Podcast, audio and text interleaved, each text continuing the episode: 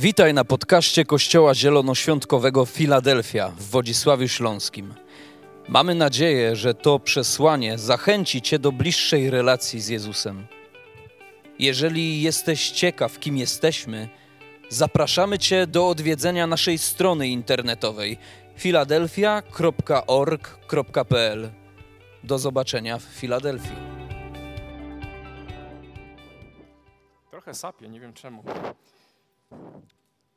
Trzy zasady e, powiedzenia dobrego kazania. Pierwsze, przywitaj na spotkaniu ludzi i powiedz jakąś anegdotę. Witam Was serdecznie. Cieszę się, że jesteście tutaj na tym miejscu, że wiedząc, że ja będę mówił kazanie, nie uciekliście, ale jesteście tutaj.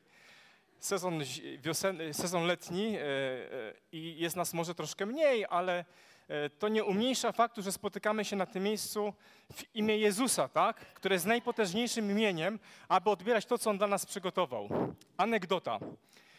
Tytuł mojego kazania dzisiaj to zwyczajny dzień. I ten dzień mi się też dzisiaj zwyczajnie zaczął. Zaczęło się od tego, że moja żona rano próbowała wbić mnie do garnituru. Stoczyliśmy ogromny pojedynek, ciężką walkę, stanęło tylko na spodniach i na całe szczęście odpuściliśmy, a moje ubranie jest zupełnie efektem kompromisu, który wynikł z szerokich dyskusji, e, szeroko zakrojonych konsultacji społecznych e, z resztą członków rodziny, bo moja koncepcja była zupełnie inna, ale umarła, trudno. Ale to nie jest koniec mojego zwyczajnego dnia. Mój zwyczajny dzień kontynuował się niżej. Kontynuował się dalej w momencie, kiedy otworzyłem szafę, żeby ubrać buty. I coś wam powiem, te buty nie są moje. Ja nie wiem, czy one są, ale one nie są na pewno moje. Są za duże. Wchodząc musiałem uważać, żeby się nie przewrócić na schodach. Już jak je zakładałem, coś mi nie pasowało. Że moje nogi miały jakoś dużo długości, dużo miejsca. No właśnie. Dzisiaj będę chciał mówić o naszym zwykłym dniu. Takim, który każdy z nas wiedzie, który okraszony jest różnymi wydarzeniami, małymi, dużymi. To, co Ewunia powiedziała na początku dzisiejszego nabożeństwa, że ona miała zły tydzień. To był dla niej zły tydzień, który jej się bardzo źle kojarzy. Wiele gór, wiele różnych trudnych wyzwań, które stanęły przed nią, aż marzyła o tej niedzieli, w której będzie mogła w atmosferze uwielbienia oddać się zapomnieniu tych chwil, które poszły już w niepamięć. Wiecie, nasze życie to taki właśnie, to takie pasmo ciągłych podejmowanych decyzji, takich zwykłych, codziennych i ja o takiej zwykłej, codziennej, nudnej, szar, szarej szarzyźnie naszego dnia dzisiaj będę chciał z wami rozmawiać. Ja chyba będę chciał zwykły mikrofon, bo to mnie denerwuje, jak to mi tu fuczy. Przepraszam najmocniej. O, o nie było lepiej. Panie, dzięki za mikrofony zwykłe. Dzisiaj będę chciał z wami zobaczyć zwykły, szary, przeciętny dzień jednego człowieka, który jest opisany, jego historia jest opisana w Starym Testamencie, ponieważ bardzo lubię Stary Testament, bo on daje dużo przykładów właśnie takich postaci z życia codziennego. Ale ta postać jest niebywała. Wiecie dlaczego? Bo jest legendarna. Nawet bym powiedział wręcz mitologiczna. I na pewno ją znacie, jakbym powiedział albo zrobił sondaż, o kim będę mówił, to na pewno wielu z was by od razu przynajmniej w drugim, trzecim strzale, może za pierwszym byście strzeli. O kim ja mogę mówić? Jak wam się wydaje? Najbardziej legendarna postać Starego Testamentu. Brawo, Dawid, Dawidos. Będziemy mówić o Dawidzie. Nie będziemy mówić o królu Dawidzie, będziemy mówić o Dawidzie. Jeszcze do króla było mu daleko, choć już miał pierwsze przesłanki tego, że będzie królem, ale jeszcze królem nie był i będę mówił o jego historii dnia jego zwykłego codziennego, żeby się czegoś nauczyć, żebyśmy coś wyciągli dla siebie. Pierwotnie moje kazanie miało tytuł Niezwyczajny dzień, a pokonać niemożliwe. Ale pomyślałem sobie, no nie mogę walnąć tak grubej ruły od razu w środku wakacji, bo mi Kościół przestanie chodzić na nabożeństwa. Jak się przestraszą takich wielkich wyzwań, to kto będzie, kto będzie w takim zwykłym, szarym dniu w stanie e, wytrwać w rzeczach, które są przed nami. Więc dlatego zmieniłem tytuł na Zwyczajny Dzień, bo to naprawdę był zwyczajny dzień. Wiecie, Dawid jest znany z dwóch wydarzeń. Przynajmniej ja. Gdybym tak zrobił szybki sondaż, gdyby ktoś mnie zapytał, z jakich zdarzeń znasz Dawida, czym ci się, z czym najbardziej kojarzy, to powiem dwie rzeczy. Po pierwsze, Betrzeba, no bo jestem facetem, Betrzeba od razu numer jeden, a drugie, Goliat! Tak jest. I dzisiaj będziemy mówili o Goliacie. Niesamowita historia zapisana w księdze Samuela, pierwsza księga, 17 rozdział. Bardzo dużo wersetów, powiem wam 58, wszystkie przeczytamy. Damy radę. Mamy 30 minut, spokojnie zdążymy. Przygotowałem jeszcze 60 innych dodatkowych i myślę, że wyrobimy się ze wszystkim. Część będzie wyświetlana, część nie będzie wyświetlana. Telefon musi rozpoznać moją twarz, rozpoznał. Jako motto tego kazania, jako to, co będę chciał, żeby było taką myślą przewodnią, to będzie fragment, który jest zapisany w Efezjan 6 rozdziale 10 do 17. W końcu, bracia moi, umacniajcie się w Panu i w potężnej mocy Jego. Przywdziejcie całą zbroję Bożą, abyście mogli ostać się przed zasadzkami diabelskimi, gdyż bój toczymy nie z krwią i z ciałem, lecz uwaga, z nadziemskimi władcami, ze zwierzchnościami, z władcami tego świata ciemności, ze złymi duchami w okręgach niebieskich. Ja bym się na tym momencie zatrzymał, bo to jest, wydaje mi się, kwintesencja naszego życia. Kochani, gdyż bój toczymy nie z krwią, nie z ciałem, ale z czymś dookoła nas, z pewną rzeczywistością niematerialną, której nie widać. Wiecie, rzeczywistość materia- niematerialna nie podlega prawu faceta. Znacie prawo faceta? Nie widzę, więc nie ma.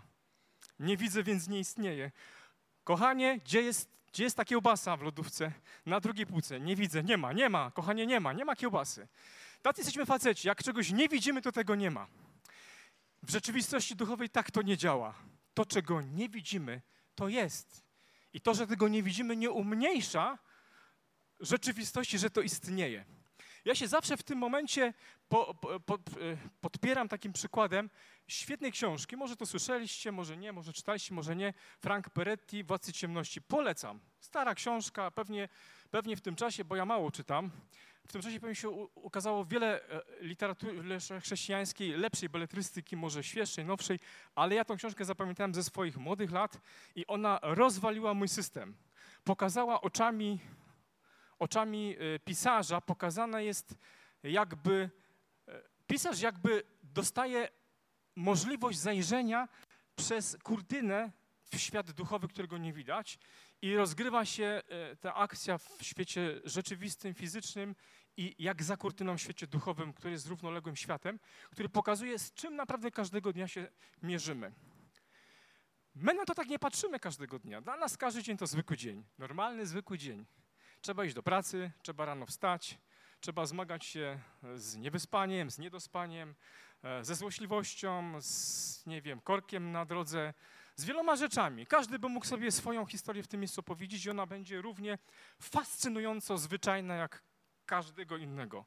I w tej rzeczywistości tak naprawdę jesteśmy zawieszeni gdzieś w, w okręgach świata duchowego, który na nas wpływa. I czy sobie z tego zdajemy sprawę, czy to jest w naszej świadomości, czy nie, to nie zmienia faktu, że ten świat na nas wpływa. A ten fragment mówi nam, że to my mamy na ten świat wpływać. Im bardziej będziemy świadomi tego, że bój toczymy i że jest to wojna, że każda Twoja decyzja, każde Twoje wyzwanie, jakie podejmujesz, czy ono jest małe czy duże, jest zawsze wyzwaniem, o które będą walczyły różne strony, w tym strony świata ciemności, jest czymś, co powinno powodować, że będziemy podważnie podchodzić do każdego takiego wyzwania. Bo może się pojawić, że w Twoim życiu stanie się coś, co się stało w życiu Dawida. A mianowicie czytamy w pierwszych wersetach od 1 do 4 coś takiego. Wtedy zebrali się Filistyńczycy, zebrali swoje wojska na wojnę. Zebrali się w Socho, które leży, należy do Judy i rozłożyli się obozem w Efes Abdabim między Socho a Seka. Saul zaś i wojownicy izraelscy zebrali i rozłożyli się obozem w Dolinie Dębów i stawili się do bitwy, aby potykać się z Filistyńczykami. Filistyńczycy stali na górze z jednej strony, a Izraelici stali na górze z drugiej strony. Między nimi była dolina. Rzeczywistość. Jest góra, na której stoisz ty, ale jest druga góra, na której stoi ktoś, twój wróg, który czeka na twoje potknięcie, na to, żebyś, żebyś się wywrócił, żebyś podjął nie taką decyzję, żeby twoje życie się rozsypało, żebyś miał wyrzuty sumienia, żebyś miał kompleksy, żebyś się wycofał. Wiecie, diabeł ma wiele sposobów, żeby nas upodlić, ja wam pokażę z tego fragmentu kilka, którymi on się posługuje, dlatego że w jednym z miejsc w Nowym Testamencie jest napisane, że zamysły diabła są nam dobrze znane. My znamy jego strategię, dlatego jeżeli znamy strategię, będziemy lepiej chronieni, jeżeli będziemy potrafili do tej strategii się odnieść. Jest napisane, że wtem wystąpił spośród tych Filistynów człowiek, który był wielki, Goliat. Miał prawie 3 metry. Jego zbroja, pancerz, czyli tylko to, co miał na klacie, ważyło prawie 60 kilo. Nie wiem, młodzi faceci, którzy chodzicie na siłownię, łatwo wycisnąć 60 kilo do góry na klatę? Chyba nie. Nie jest to takie proste. Wycisnąć 60 kilo. On to nosił na sobie cały czas. Grot jego dzidy, którą trzymał, ważył 7 kilo. To weźcie taką taszę zakupową i podnieście tak, żeby sobie nią machać, nie? To było coś, to było wyzwanie. On na pewno się odróżniał od pozostałych Filistyńczyków. I co on zrobił? Czytamy od ósmego wiersza. Ten stanął i zawołał w stronę chówców izraelskich słowa. Po co wy tu wychodzicie, aby się sposobić do bitwy? Czy ja nie jestem Filistyńczykiem, a wy sługami Saula? Wybierzcie sobie jednego wojownika, niech wystąpi przeciwko mnie. Jeśli potrafi walczyć ze mną i położy mnie trupem, będziemy waszymi niewolnikami. A jeżeli ja go przemogę, położę go trupem, to wy będziecie naszymi niewolnikami i będziecie nam służyć.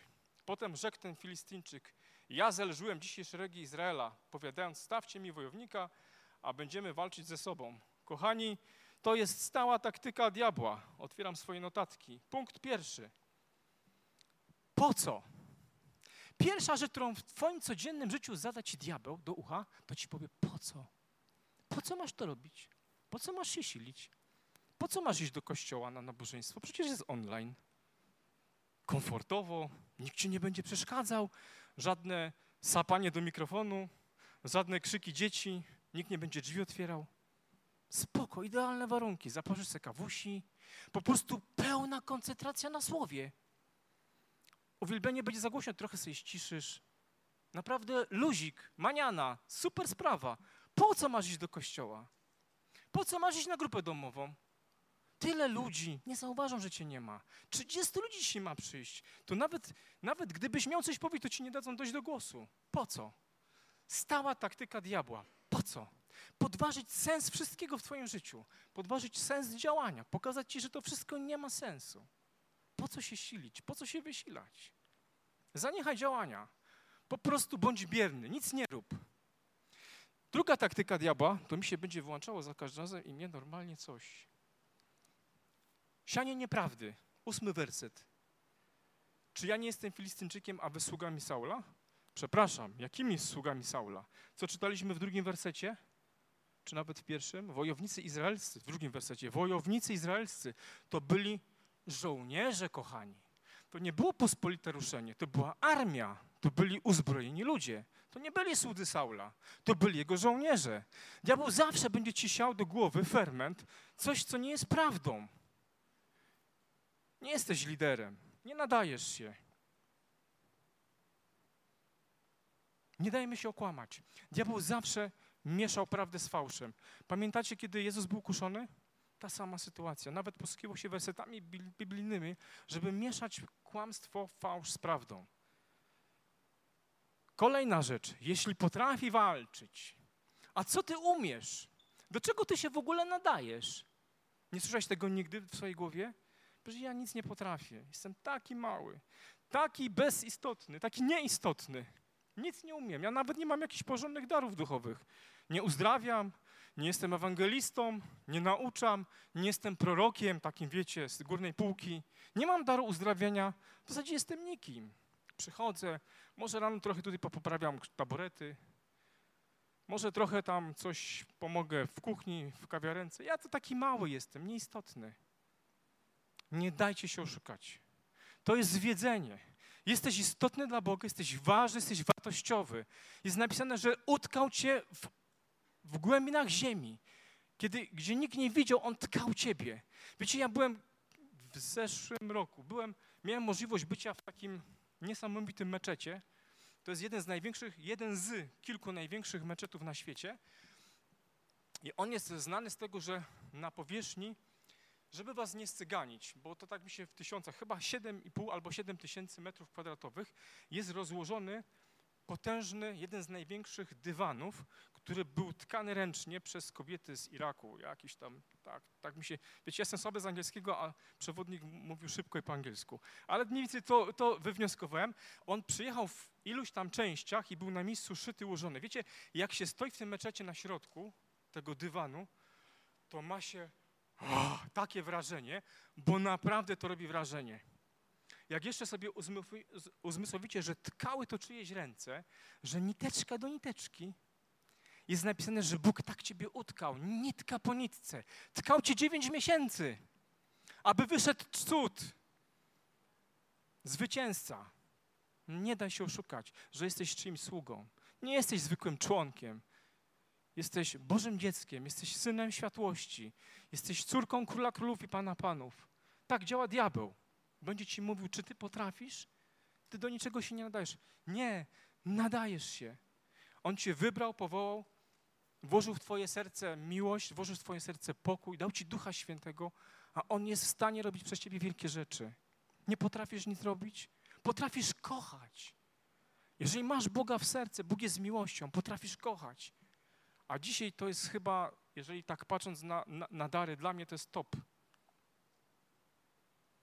Wiecie, diabeł zawsze będzie chciał mieszać w naszym życiu. I teraz przechodzimy do, do sedna sprawy. Wkracza w akcję Dawid. Pewnego dnia tata mówi do Dawida, Jese, mówi do Dawida, słuchaj, twoi trzej bracia poszli na wojnę, no nie, gdzieś nie, ja nie wiem jak to daleko było, ale chyba gdzieś niedaleko. Musiałby, nie, spra nie sprawdziłem. Efes to brzmi trochę jakby gdzieś w Turcji, ale, czy w Grecji, ale to nie jest, ten, nie, nie jest ta okolica. Musiało być niedaleko, bo, bo Dawid y, był tam posłany, żeby zawieźć jedzenie i też dowiedzieć się, czy dobrze idzie ta, ta świetna potyczka wojenna bo już oni święcili wielkie e, triumfy, pokonali Amalekitów wcześniej, więc e, byli zaprawieni w boju. Więc wysłał Jesę, żeby Dawid dowiedział się, co jest grane, wziął tam rzeczy do przeprania od braci. No i wiecie, taki normalny, zwykły dzień, tak? Zwykły dzień, zaopatrzenie, logistyka, gdzieś tam na tyłach, na liniach e, wsparcie, które tam jest potrzebne. I zaczynamy, kochanie, sensację. Będę chciał powiedzieć wam, pokazać wam na podstawie Dawida kilka takich myśli, czym możecie ubogacić, czym możemy, bo to mnie tak samo tyczy jak was, czym możemy ubogacić nasze życie, żeby ten zwykły, codzienny dzień, zwykły, który nas usypia, ale codzienny, który jest zawieszony w rzeczywistości duchowej, gdzie toczymy walkę, nieustanną walkę, żeby nam było łatwiej, to pokażę wam kilka takich rzeczy, które cechowały Dawida, które mi się tutaj w tym tekście bardzo spodobały i rzuciły w oczy i które myślę są warte tego, żeby o nich powiedzieć. Słuchajcie, pierwsza rzecz, dwudziesty werset. Czytamy coś takiego. Wstał Dawid wcześnie rano i powierzył trzodę stróżowi, zabrał Juki i wyruszył, jak mu nakazał Isaj.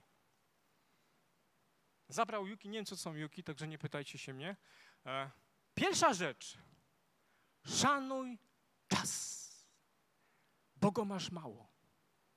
Masz go tyle, co każdy z nas, ale masz go mało. Nie doświadczacie tego, że czas umyka nam, przemyka nam gdzieś przez palce? Wiecie, jest sposób. Słuchajcie, 50 lat żyję na Ziemi i odkryłem patent. Jak wydłużyć czas? Wiecie, że to się da zrobić? Trzeba wstać wcześniej rano. Twój dzień będzie od razu dłuższy, o trzy godziny, słuchajcie, nieprawdopodobne. I uczę się tej lekcji jako Boże dziecko już długo, już parę dziesiąt lat. I powiem wam, przechodziłem różne sezony. Och, ileż ja miałem e, wyzwań, żeby się, e, że tak powiem, oprzeć duchowo i biblijnie na tych porankach, bo ja czułem, że gdzieś w kościach w tym poranku jest jakaś, przepraszam, jestem zwolennikiem fantazy, jakaś magia, która powoduje, że coś z tymi porankami jest ekstra. Nawet Jezus czytamy, że stawał wcześniej, skoro świt. Wstawał, żeby iść na modlitwę, stawał na społeczność ze swoim Ojcem i w wielu, wielu, wielu miejscach Bożego Słowa poranek jest bardzo mocno podkreślany jako ta niesamowita pora. Są też fragmenty, ja kiedyś nawet jak czytałem psalmy, to sobie malowałem na żółto, co jest o dniu, tak, co za dnia robię, a ciemnym, czerwonym, co jest do nocy tyczy i generalnie nie było tak źle. Noc też nie była taka, nie była taka zła. Ale wiecie, na czym polega cała, cały szkopuł różnicy pomiędzy dniem a nocą? Że ranek daje wam trzy godziny więcej dnia i życia, słuchajcie. Będziecie żyć dłużej o trzy godziny, jeżeli stanie się trzy godziny szybciej. On zrobił to wcześniej rano. Ja wiem, to jest taka utopijna może myśl, ale próbujmy, próbujmy, dążmy do tego, żeby nasz dzień zaczynał się z Bogiem. To nie musi być trzy godziny, to może być pięć minut, ale takiego rzetelnego skoncentrowania się na Panu i poproszenia Go błogosławieństwa na ten dzień. Dawid wiedział co najlepsze. Druga myśl zawarta jest, słuchajcie, w wersecie 22. Czytamy coś takiego. Dawid zrzucił z siebie Juki, cokolwiek to znaczy, oddał w ręce stróża Juków, kimkolwiek ten facet jest i pobiegł do przedniego szeregu. I to mi się strasznie podoba. Wyobraźcie sobie, Dawid przychodzi, jakiś tumult tam się gdzieś dzieje, a on się przepycha do pierwszego szeregu. Wiecie, że Duch Święty działa tylko do trzech metrów? Nie wiecie? Ja wam to powiem. Ja się przekonałem. Tylko trzy metry. To autentycznie są dwa rzędy. Koniec. Potem dalej słabnie siła. Naprawdę. Nie wierzycie mi? Dać wam przykład? Proszę bardzo. Pamiętacie, jest taka historia opisana w Ewangeliach Mateusza, Marka, Łukasza. Ja do slajdów wrzuciłem e, Łukasza, ale przeczytam wam e, Mateusza, bo Mateusz wydaje mi się brzmi lepiej. Jest historia kobiety, która cierpiała na, na krwotok. Wziąłem ten przykład, bo on jest bardzo mi pokrewny, wiemy czemu. Cierpiała od 12 lat, cierpiała na pływ krwi, cały swój majątek wydała lekarzom, z których żaden nie mógł leczyć, nic dziwnego. Podeszła z tyłu, dotknęła Jezusa, dotknęła krawędzi płaszcza i słuchajcie, i co ona zrobiła? Ona zrobiła coś takiego.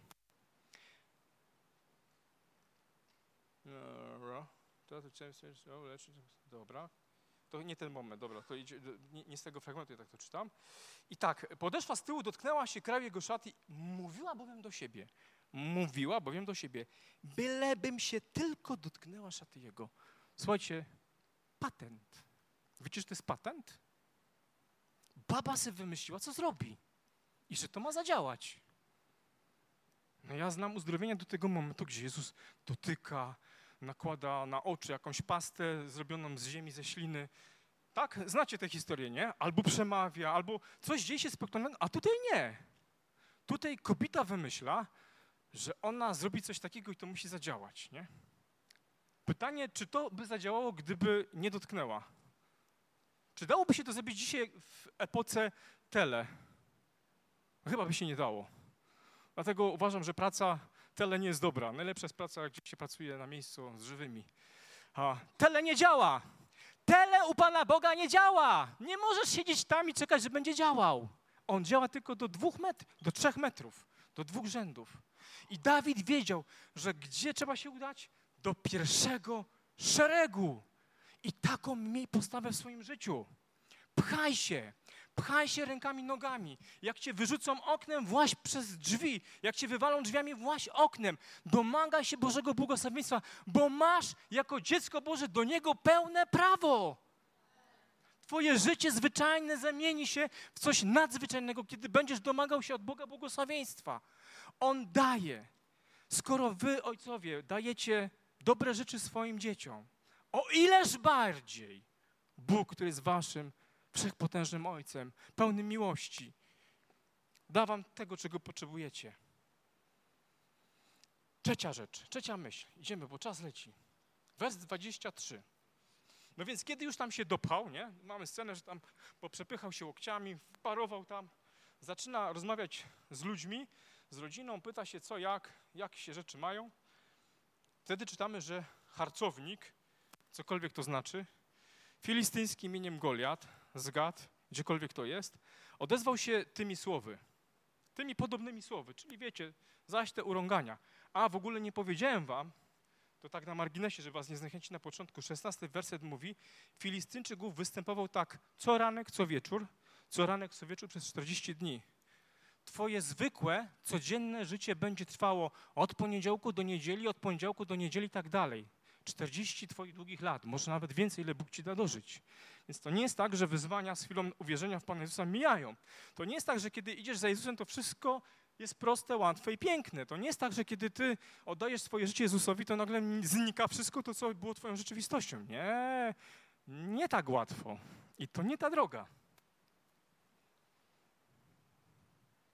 Czytamy, że usłyszał to Dawid. To mi się strasznie podoba. Usłyszał to Dawid. Wiecie, że mamy zmysły, nie? Ile mamy zmysłów? Dobra, to ja muszę się wrócić do szkoły. Mnie uczyli pięć.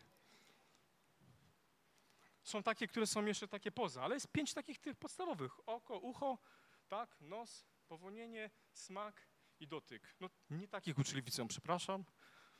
To jest moja biologia z liceum. Na studiach mnie tego nie uczyli, więc tego nie pamiętam ze studiów.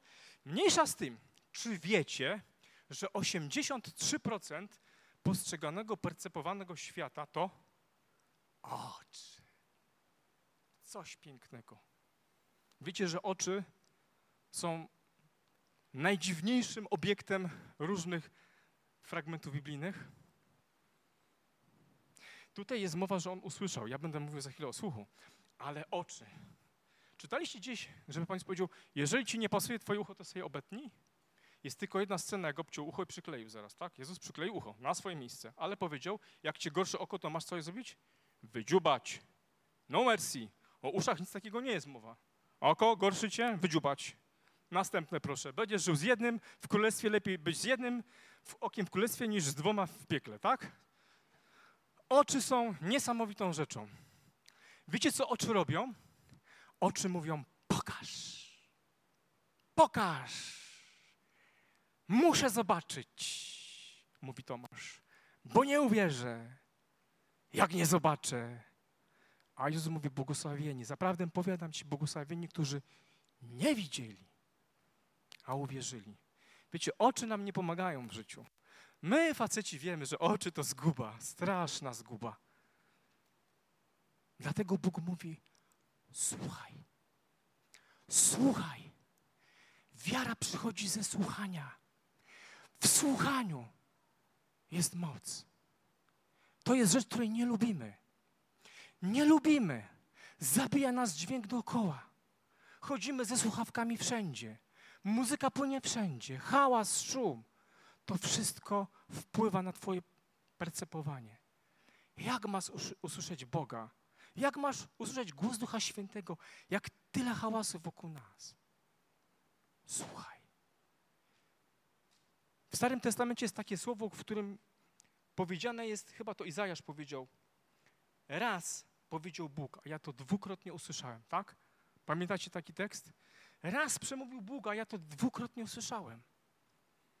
Do w Apokalipsie, do kościołów mówi, kto ma uszy, niechaj słucha. Kochani, niech słuchajmy. Nawet nie słuchajmy. My próbujmy usłyszeć.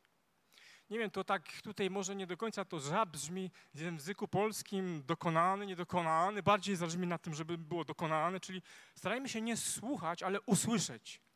Bo słuchanie powoduje, że przelatują nam przez głowę różne dźwięki, ale usłyszenie jest czymś, co świadczy się na tym skupiłeś, tak? Dawid usłyszał. Czy on widział tego faceta? No słuchajcie, wychodzi trzy metry bestia, coś tam gada, on go nie widział. I może to i dobrze, że go nie widział, bo może gdyby go zobaczył, to byłoby tak jak z tymi, którzy poszli do Kanaanu. Dwunastu poszło, pamiętacie? Zobaczyli. Zobaczyli, z czym im się będzie szło mierzyć i co?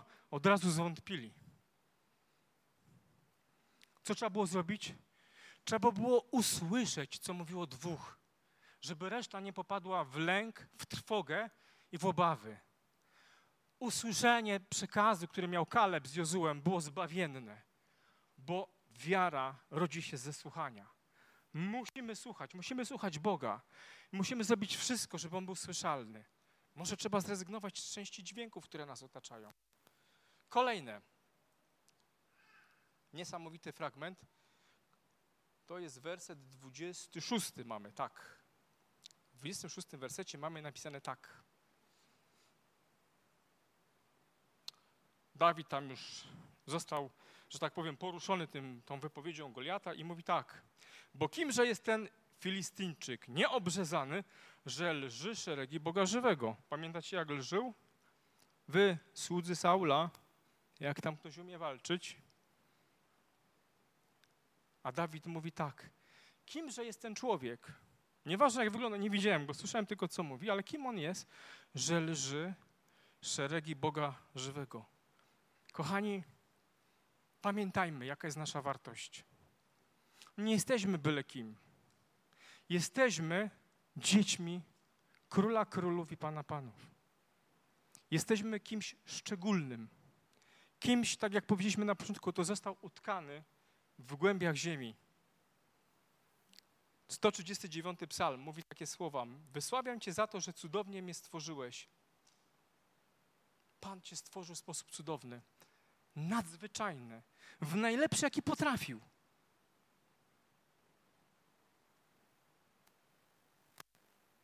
Wy jesteście plemieniem wybranym, królewskim kapłaństwem, narodem świętym, ludem przeznaczonym na własność dla Boga. Jesteście kimś niesamowitym i Dawid znał wartość. Czy ty znasz wartość swoją? Czy znasz wartość osoby, która siedzi obok ciebie? Która jest twoim towarzyszem walki niedoli? Wiecie, ja nie byłem nigdy na wojnie, nie byłem nawet w wojsku. Wojs wojnę znam tylko z książek, z historii, z literatury, może gdzieś tam z filmów, ale znam sceny, w których towarzysze, którzy spędzali razem czas, gdzieś tam w okopie, gdzieś tam, gdzie bombardowanie, byli sobie bliżsi niż bracia.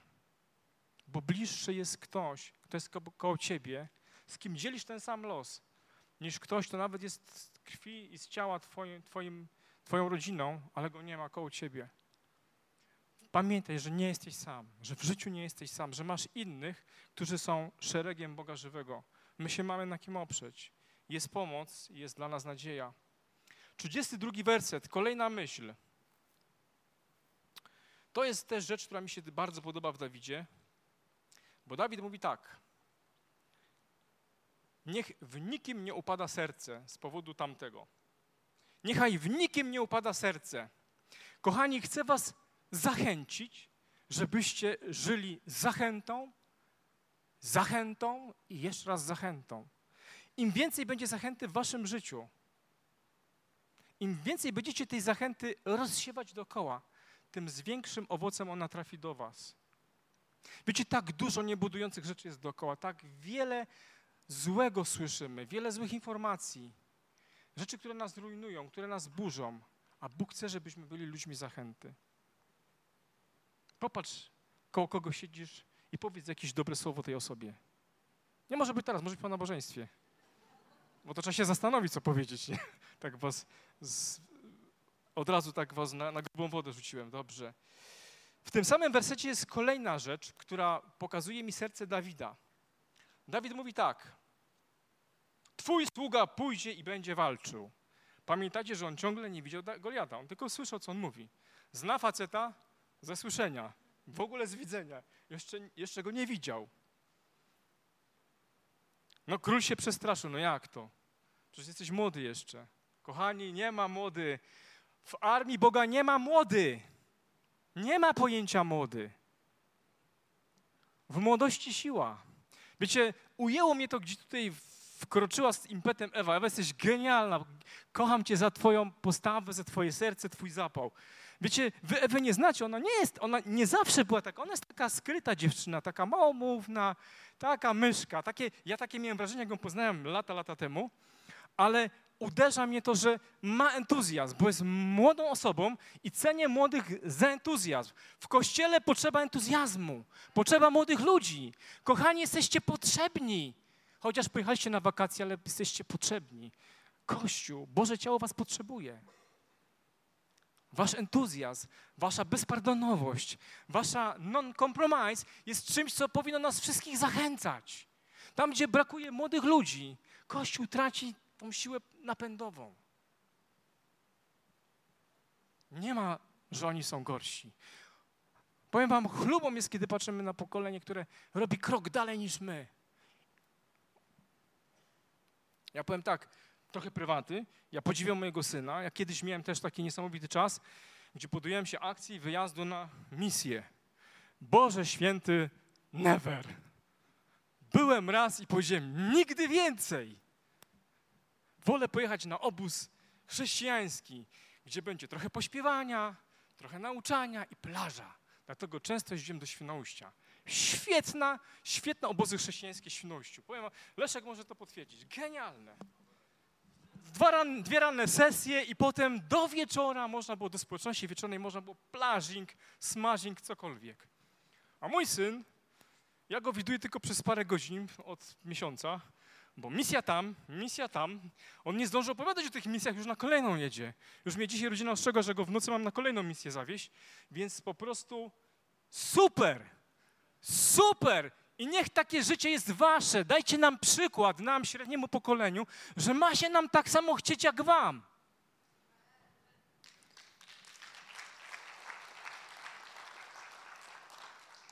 Wiecie, Dawid argumentuje, królu, znam gościa ze słyszenia, nie widziałem go jeszcze, ale byś ty widział niedźwiedzia brunatnego.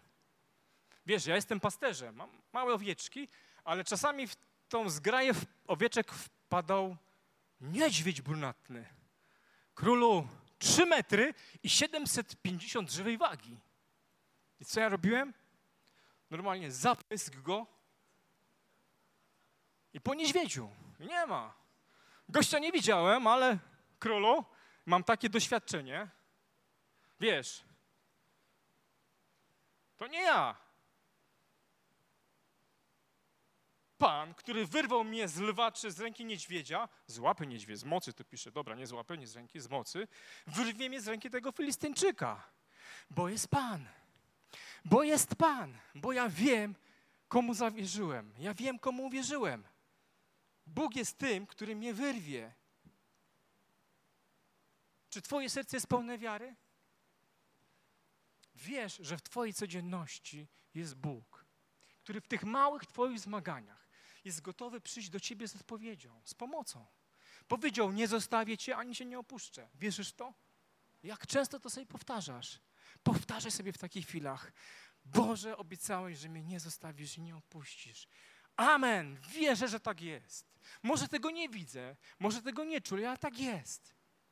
Jest taka historia, tak? Pamiętacie trzech Szedrach, Meszach, Abednego byli tam kiedyś do pieca wrzuceni. Mieli być wrzuceni, bo jeszcze jest, fragment jest przed wrzucenia. Ale tam się mieli pokłonić przed jakimś posągiem, tak? Na jakiejś tam polanie. Nie zrobili tego. Wszyscy, parę milionów ludzi klawy na ziemię, tak? W takim wydaniu muzułmańskim nikogo nie ma. I stoi trzech. Trzech twardzieli. Oni się nie pokłonią. I co oni mówią? Jeżeli nasz Bóg, któremu służymy, może nas wyratować, królu, to nas wyratuje. Ale, ale, jeżeli nasz Bóg nas nie wyratuje, to nie zmienia to faktu, że się nie pokłonimy. Boże, jeżeli Ty nie odpowiesz na moją modlitwę, to ja się na Ciebie nie obrażę. Ja dalej jestem Twoim dzieckiem, Twoim umiłowanym dzieckiem. Jeżeli Bóg nie odpowiada Ci na modlitwę, którą składasz już wiele, wiele miesięcy, tygodni, to nie powód, żeby myśleć, że przestałeś Boga interesować. On Cię dalej kocha. On po prostu wie, co jest dla Ciebie dobre. Taka postawa mnie rozwala. Ona demontuje w ogóle cokolwiek. Żądanie, żeby każde moje pomodlenie się było stryk, jak magiczne zaklęcie. Rzucam zaklęcie, mam odpowiedź. Rzucam zaklęcie. Był taki film z Arabelą, z pierścieniem. Pamiętacie? Starsze pokolenie wie o co chodzi. To tak nie działa. Modlitwa tak nie działa. Modlitwa to Twoja indywidualna więź z Jezusem, a nie szkatułka zaklęć. I ostatnia rzecz, słuchajcie. Chciałbym, żeby tutaj wyszedł znowu zespół nasz kochany. Najważniejsza myśl, którą Dawid sprzedaje nam tego poranka. Kiedy już stają naprzeciwko siebie w problemie, będziemy do it again. To jest power. Myślałem, że Lion, ale jak posłuchałem do it again, po prostu pod kątem tego słowa rozwalił kosmos. Słuchajcie, 45 werset. Dawid powiedział Filistynczykowi, ty wyszedłeś do mnie z mieczem, z oszczepem, z włócznią. Wyglądasz jak taran. Wiesz co, w tej zbroi wyglądasz gorzej niż ten, niż ten, niż ten niedźwiedź, który na mnie parę razy wparował. Nawet może go wagą nie pokonasz, bo on 700 kilo, ty to 50 tylko masz samego pancerza, ale jesteś ciężki. Ty wyszedłeś z borężem, ale ja wyszedłem do ciebie w imieniu Pana zastępów. Nie dzięki mocy, nie dzięki sile, ale dzięki mojemu duchowi to się będzie działo. Twoje życie zwyczajne będzie przybierało właściwy kierunek. Nie dzięki Twoim staraniom, nie dzięki mocy ludzi, ale dzięki mojemu duchowi, mówi Pan. Nie moc, nie siła, ale On. Dawid wiedział, że w tym jest sukces, że to jest panaceum na codzienność. To był jego zwykły szary dzień. On tylko poszedł, żeby spotkać się z braćmi, dowiedzieć się, co jest grane, zabrać rzeczy do przeprania, a dowiedział się, że stanie przed największym wyzwaniem swojego życia i nie pokona. Nie pokona tego wyzwania, że nie będzie z nim Boga. Miał dobre serce, miał wiarę, cenił czas, tak? Chciał zachętę, gdziekolwiek mógł. Był osobą, która chciała zachętę, zachęcał innych. Robił wszystko, żeby nikt nie upadł na duchu. A jednak wiedział, że apogeą tej historii jest Bóg. Bo bez Niego jesteśmy nikim. Bez Niego jesteśmy nikim. Jeżeli jesteś w Bogu, a wierzę, że nasze życie jest ukryte w Nim, to szatan nie może mi mówić po co. Kim jesteś? Co tu robisz? Czy w ogóle do czegoś się nadajesz? Kochani, w 47 wersecie pisze: Nie mieczem, nie włócznią wspomaga Pan, gdyż wojna należy do Pana. Gdyż bój toczymy nie z krwią i z ciałem. Każdego dnia ta jakże dramatycznie brzmiąca opowieść o władcach ciemności, schowanych za kurtyną czasu, przestrzeni, której nie widzimy, ona jest realna. To, że jej nie widać, nie znaczy, że jej nie ma. Ona na nas wpływa. Ale my mamy imię Jezus, który jest ponad wszelkie imię. My mamy kogoś, kto tą wojnę już dawno dla nas wygrał. Do it again.